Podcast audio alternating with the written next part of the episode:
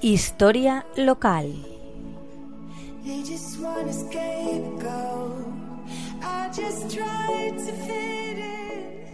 Buenas tardes, amigos y amigas de la Tegua Radio. Como toca en estas fechas, hemos tenido unos días de vacaciones, y si en el último capítulo hablábamos de las lecturas para el verano, retomamos las crónicas de la Tegua Radio haciendo un repaso por la historia de las bibliotecas. Decía Borges de las bibliotecas, siempre imaginé que el paraíso sería algún tipo de biblioteca. Y así es para muchos de nosotros. Las bibliotecas no son solo un conjunto de libros, sino una compañía, un refugio o un proyecto de vida, como diría Pérez Reverte. Todos hemos estado en alguna biblioteca, bien en la de Monóvar o en la de cualquier otra ciudad, pero ¿nos hemos dado cuenta de lo maravillosas que son las bibliotecas? En primer lugar, allí los libros son gratis, cuestión muy a tener en cuenta, pues a una media de 20 euros el libro, un par de libros al mes como mínimo, podéis hacer fácilmente la cuenta del gasto correspondiente. La historia de la biblioteca comienza con las primeras civilizaciones.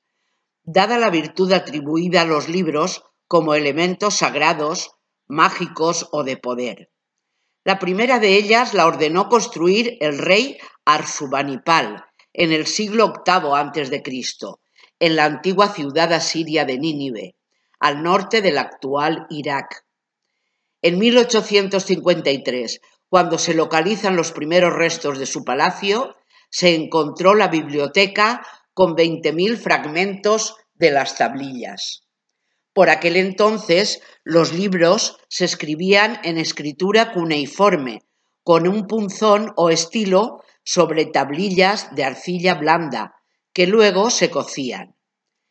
Estas fueron el antepasado de los libros. Las tablillas de arcilla también se endurecían secándolas al sol.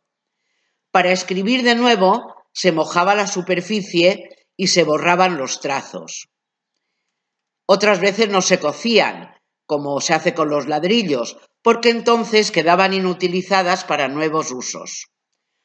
Por las amenazas que han quedado escritas para los posibles ladrones, podemos intuir la importancia que tenían aquellas remotas colecciones de tablillas.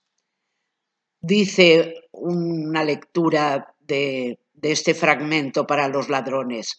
A aquel que se apropie la tablilla mediante robo o se la lleve por la fuerza o haga que su esclavo la robe, que jamás le arranque los ojos, que Nabú y Nisaba lo vuelvan sordo, que Nabú disuelva su vida como el agua.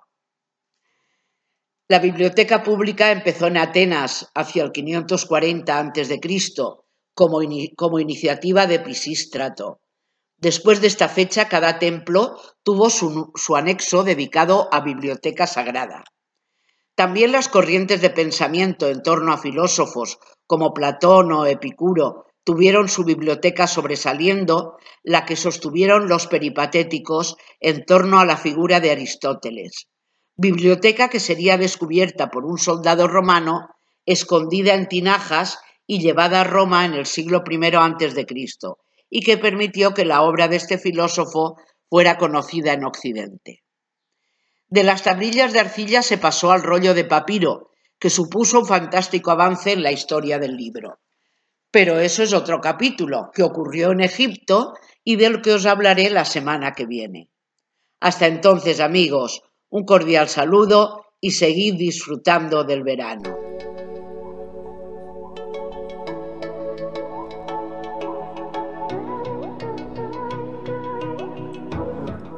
Historia local. They just want a scapegoat. I just tried to fit